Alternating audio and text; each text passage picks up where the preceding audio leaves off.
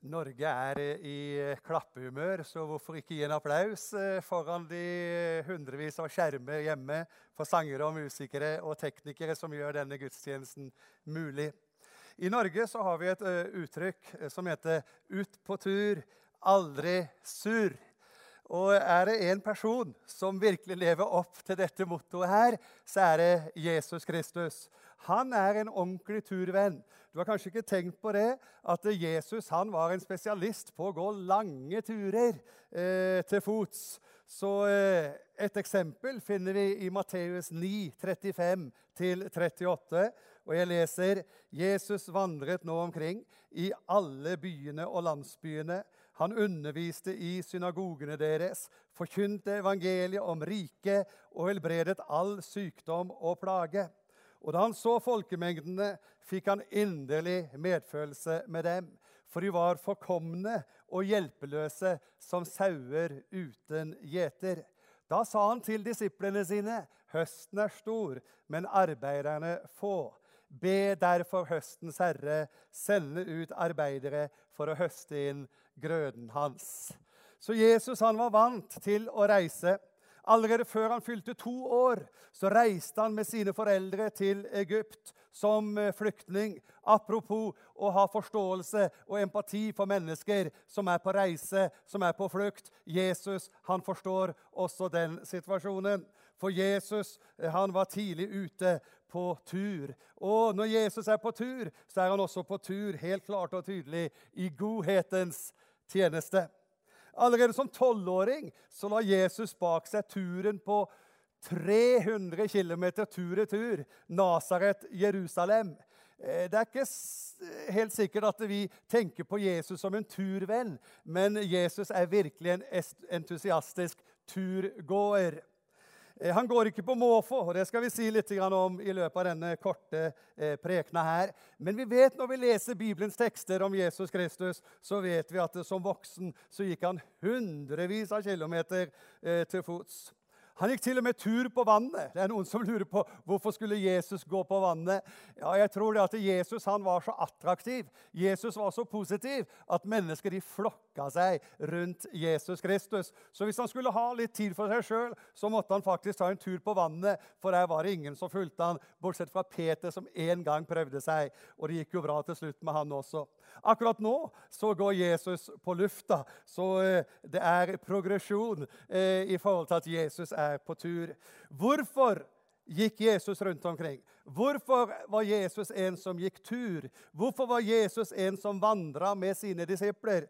Jo, Peter forklarer det i Apostlenes gjerninger 10.38. Jesus fra Nasaret han ble salvet av Gud med hellig ånd og kraft, og han gikk omkring overalt og gjorde vel og helbredet alle som var underkuet av djevelen, for Gud var med ham. I reiserestriksjonenes tid så er det godt å vite at Jesus fortsatt er på vandring. For Bibelen sier han er i går og i dag, ja, til evig tid den samme. Fortsatt er Jesus på tur. Fortsatt er Jesus en som vandrer i samfunnet. Ja, faktisk akkurat nå så vandrer han rundt omkring i vår by. Han går på besøk. Han berører oss i en tid hvor vi ikke har lov til å berøre hverandre. Jesus er unntaket. Han kan berøre oss. Ja, Etter oppstandelsen fra de døde så kommer Jesus til og med inn i rommet gjennom stengte dører. For når alt håp er ute, da må håpet komme inn gjennom Jesus Kristus. Og han kom inn i rommet og brakte håp mot all håpløshet. Hans vandring her og nå stanser ikke ved flatskjermen der hjemme, men han går inn i rommet og så berører han våre hjerter, og så banker han på, og så tilbyr han nærhet. Vi leste i teksten at Jesus gikk til alle byene og alle landsbyene.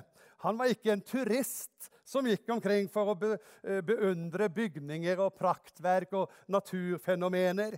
Turister besøker jo byer mer for bygningers skyld enn for menneskers skyld. Vi har jo dette begrepet en turistattraksjon. Og da snakker vi ikke om eh, mennesker, vi snakker om bygninger. New York, Frihetsgudinnen, Empire State Building, London, Big Ben, Buckingham Palace, Paris, Eiffeltårnet, Notre-Dame.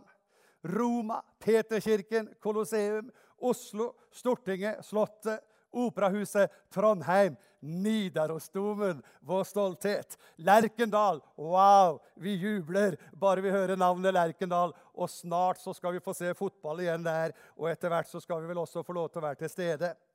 Men Jesus var ikke på tur pga. turisme og pga. turistattraksjoner. Nei, det var til og med sånn at når hans disipler eh, begynte å henvise til tempelet som en praktbygning, så, så, står det i Markus 13 Da Jesus var på vei ut fra tempelet, så sa en av disiplene til ham, 'Se, mester, for noen steiner, for noen byggverk.' Og han svarte, 'Ja, se du disse storslåtte bygningene. Her skal det ikke bli stein tilbake på stein. Alt skal rives ned.' Jesus var mer opptatt med mennesker enn med bygninger. Jeg vet ikke om du har vært med på sånne eh, frikirkelige vitnemøter opp gjennom åra. Men da var det ofte sånn at vitnesbyrd starta med at det var et ord som ble så levende for meg, eller det var et ord som ble så godt for meg, eller eh, på trønder så kunne det kanskje være eh, Det er et ord som ble så alvorlig for meg.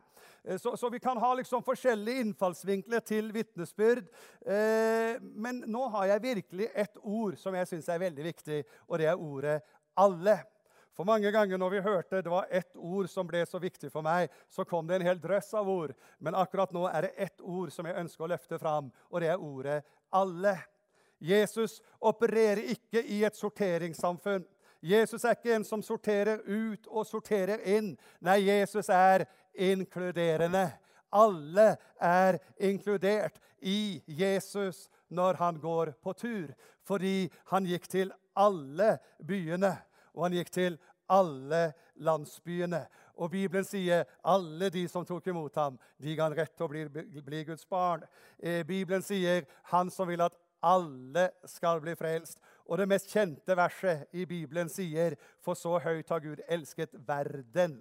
Altså ikke bare en spesiell del av verden, heller ikke bare hans kirke. Nei, Jesus elsker verden.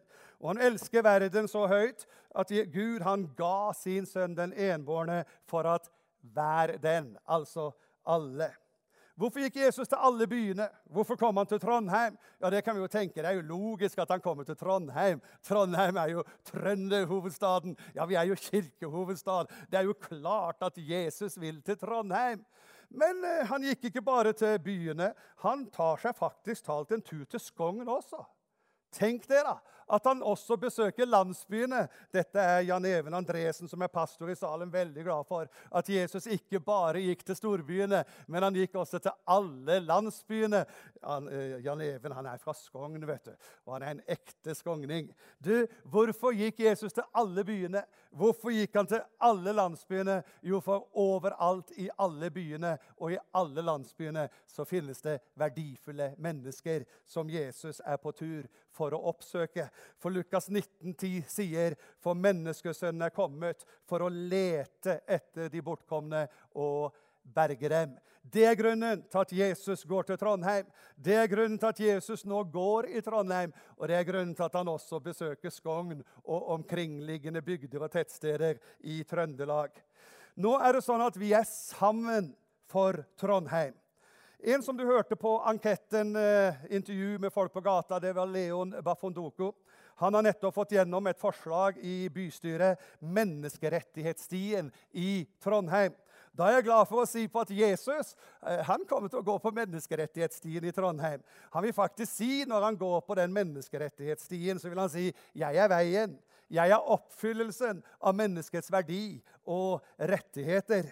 Ja, Jesus vil si, 'Jeg er den som mer enn noen annen vet å sette pris på og verdsette mennesket'. Det er derfor Jesus gikk til alle byene og alle landsbyene. Så er spørsmålet hva gjorde han der? Jo, han underviste, han forkynte, han helbredet. Jeg er så glad for at Gud har et holistisk syn på mennesket. Eh, Gud bryr seg om hele mennesket. Og når Jesus gikk omkring overalt, så gikk han omkring overalt og gjorde vel. Han hjalp mennesker på alle områder av livet, og det holder han på med fortsatt. Jesus levde det han lærte. Han underviste. Eh, Jesus ikke bare har et budskap, men han er selve budskapet.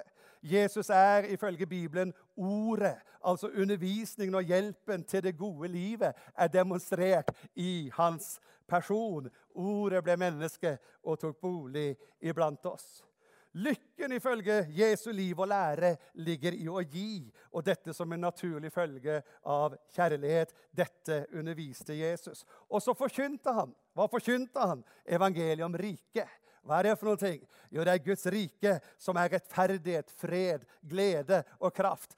Kvaliteter som hele verden lengter etter og roper etter. Det fins i forkynnelsen av Jesus Kristus om riket. Guds rike som er urokkelig. Guds rike som er solid, støtt, trygt, ja, til og med evig. Guds rike hvor Jesus som konge kalles for fredsfyrste.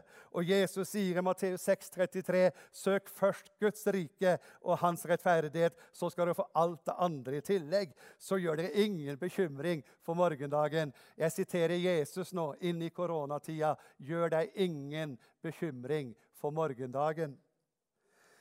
Og så ser vi for det tredje Jesus helbredet all sykdom og plage.